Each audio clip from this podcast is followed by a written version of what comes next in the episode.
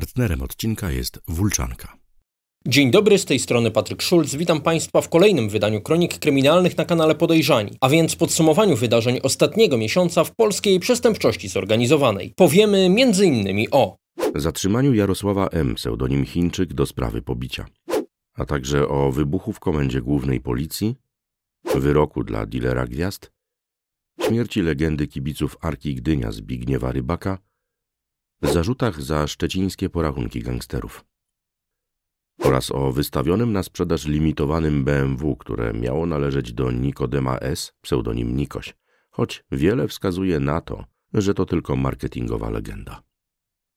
Zanim zaczniemy, chcielibyśmy zachęcić Was do zasubskrybowania naszego kanału, aby zawsze być na bieżąco z wydarzeniami z polskiej przestępczości zorganizowanej, a także do skorzystania z opcji wspierania kanału YouTube Podejrzani – co pozwoli nam się rozwijać i przygotowywać jak najlepsze jakościowe materiały, a Wam może przynieść wiele bonusów oraz nagród. Od materiałów wideo tylko dla wspierających, przez imienne pozdrowienia, po książki o tematyce kryminalnej.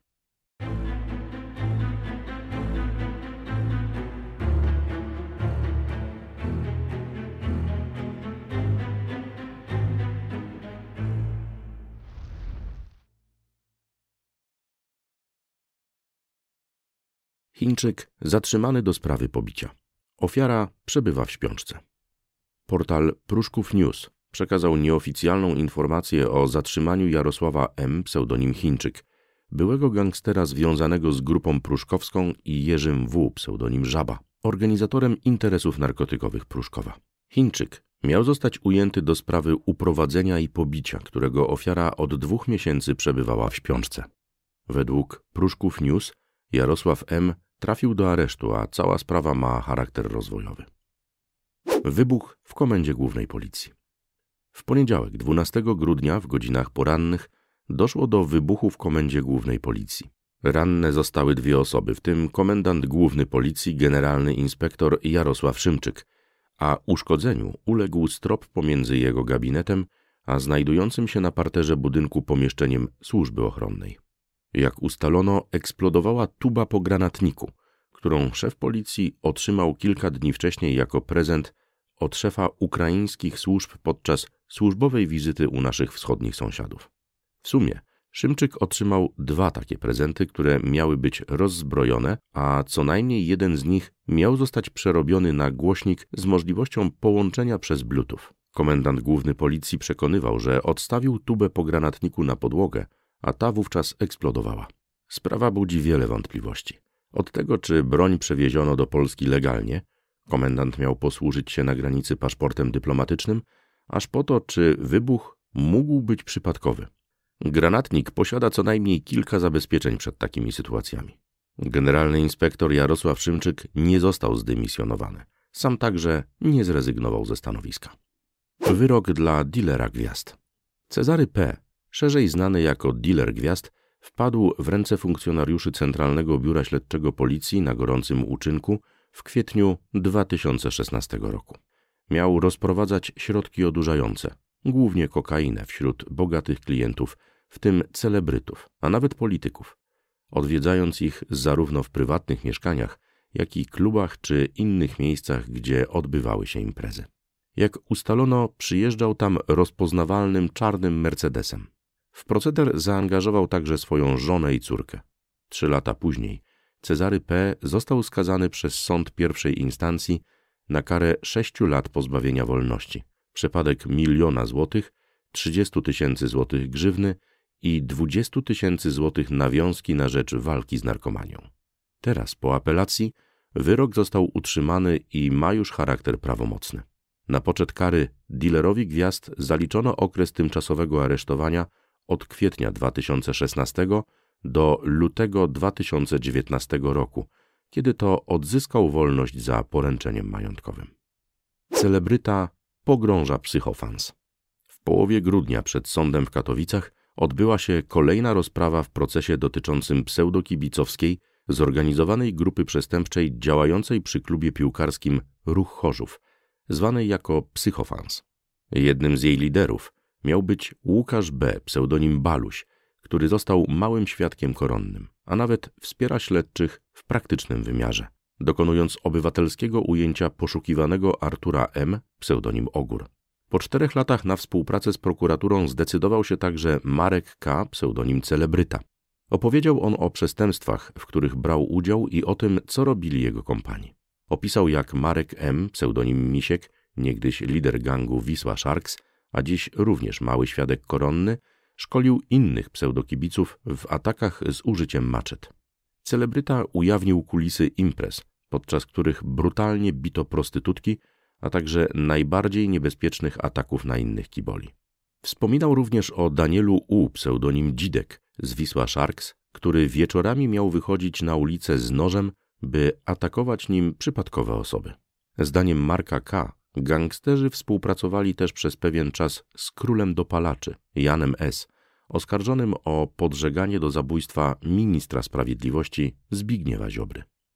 Nie żyje Zbigniew Rybak, legenda kibiców Arki Gdynia. W Trójmieście w wieku 49 lat zmarł Zbigniew Rybak. Nieoficjalnie wiadomo, że przyczyną zgonu było zaczadzenie. Rybak to legenda kibiców Arki Gdynia, a niegdyś przywódca tamtejszych chuliganów uważanych za jednych z najgroźniejszych w Polsce. Grał w rugby klub Arka Gdynia od momentu powstania drużyny w 1996 roku. Był też jednym z pomysłodawców jej utworzenia. W 2000 roku wystąpił w filmie dokumentalnym Sylwestra Latkowskiego To my rugbyści. W październiku 2022 roku ukazała się jego książka biograficzna Zbigniew Rybak, syn Józefa, napisana razem z dziennikarzem Grzegorzem Majewskim. Tak opisywano przedstawione w niej historie. W latach dziewięćdziesiątych chuligani Arki Gdynia tworzyli najsilniejszą bojówkę w Polsce. Liderem szalikowców wyspecjalizowanych w stadionowych zadymach, ulicznych walkach, ale też walkach z policją był charyzmatyczny Zbigniew Rybak. Kolejne bijatyki sprawiły jednak, że coraz więcej chuliganów Arki Gdynia zaczęło mieć kłopoty z prawem. Wtedy w głowie Zbigniewa Rybaka pojawił się pomysł założenia drużyny rugby, sportu, w którym awantury na boisku nie były niczym szczególnym. Plan był prosty. Skoro jesteśmy najlepszymi chuliganami w Polsce, to teraz będziemy też najlepszymi rugbystami i naj wszystkim innym rugbystom. Bijatyka będzie trwać dalej, tyle że teraz w majestacie prawa. Nie na trybunach, tylko na zielonej murawie. Sportowa rzeczywistość okazała się zupełnie inna. W pogrzebie Zbigniewa Rybaka wzięło udział wielu kibiców różnych klubów z całej Polski, innymi Krakowi, Widzewa Łódź, ŁKS-u Łódź czy Elany Toruń. Podczas pożegnania uczestnicy uroczystości symbolicznie odpalili race, z których często korzysta się w stadionowych oprawach. Zarzuty za gangsterskie porachunki w Szczecinie i oblanie kwasem dziobaka. Prokuratura przedstawiła ostatnio zarzuty w sprawie ciężkiego uszkodzenia ciała, polegającego na oblaniu stężonym kwasem siarkowym, którego ofiarą padł znany szczeciński gangster Mirosław B., pseudonim Dziobak. Był w bardzo ciężkim stanie. Przebywał w śpiączce. Do zdarzenia doszło w marcu 2017 roku przy ulicy Obrońców Stalingradu, dziś Edmunda Bałuki, pod galerią Kaskada. Wizerunek sprawcy utrwaliły kamery monitoringu. Dopiero teraz udało się zebrać materiał dowodowy, który pozwolił funkcjonariuszom Centralnego Biura Śledczego Policji na zatrzymanie do sprawy m.in. Jacka P., pseudonim Ślepak, i doprowadzenie z zakładu karnego Sylwestra O., pseudonim Sylwek. Obaj w latach dziewięćdziesiątych byli związani z działającym w Szczecinie i łączonym z mafią pruszkowską gangiem Marka M., pseudonim Oczko. Współcześnie Sylwek stanął na czele własnej grupy przestępczej razem z Markiem D., pseudonim Duduś, innym byłym kompanem Oczka.